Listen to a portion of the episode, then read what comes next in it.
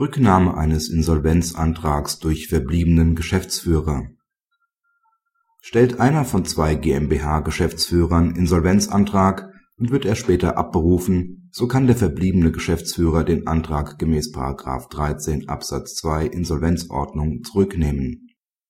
Die schuldnerische GmbH hatte ursprünglich zwei Geschäftsführer, die jeweils einzelvertretungsberechtigt waren am 6.01.2006 beantragte einer der beiden Geschäftsführer die Eröffnung des Insolvenzverfahrens über das Vermögen der Schuldnerin. Am 14.02.2006 wurde die Bestellung des antragstellenden Geschäftsführers von der Gesellschafterversammlung widerrufen. Am 22.02.2006 erklärte der verbliebene und nunmehr alleinige Geschäftsführer die Rücknahme des Antrags am 28.11.2006 ordnete das Insolvenzgericht Sicherungsmaßnahmen an und bestellte einen vorläufigen schwachen Verwalter. Hiergegen wendete sich die Schuldnerin. Für die Anordnung von Sicherungsmaßnahmen ist nur Raum, wenn ein zulässiger Insolvenzantrag gestellt worden ist. Hieran fehlt es, wenn der Insolvenzantrag wirksam zurückgenommen worden ist. Zur Antragstellung berechtigt ist bei einer juristischen Person jedes Mitglied des Vertretungsorgans 15 Absatz 1 Insolvenzordnung.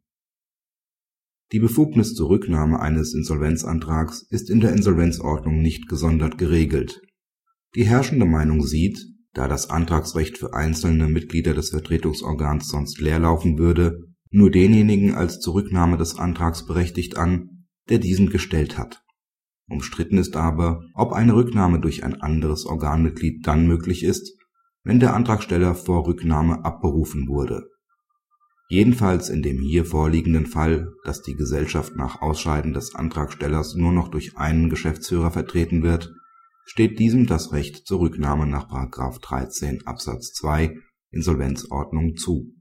Anderenfalls wäre die Gesellschaft in dem sie selbst betreffenden Insolvenzeröffnungsverfahren handlungsunfähig, zumal sie vom abberufenen Geschäftsführer nicht mehr vertreten werden kann eine derartige Beschränkung des Rücknahmerechts aus § 13 Absatz 2 Insolvenzordnung ist nicht geboten, ansonsten würde sich das Insolvenzverfahren über das Vermögen einer juristischen Person einem vom Gesetzgeber der Insolvenzordnung ausdrücklich abgelehnten Amtsverfahren annähern.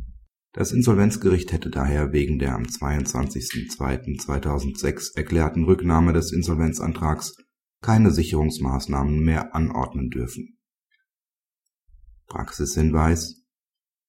Es ist zu begrüßen, dass der BGH die für die Praxis wichtige Frage nunmehr wenigstens für den Fall höchstrichterlich geklärt hat, dass die Gesellschaft nach Ausscheiden des Antragstellers aus der Geschäftsführung nur noch durch den Geschäftsführer gesetzlich vertreten wird, der die Rücknahme des Antrags des Ausgeschiedenen erklärt hat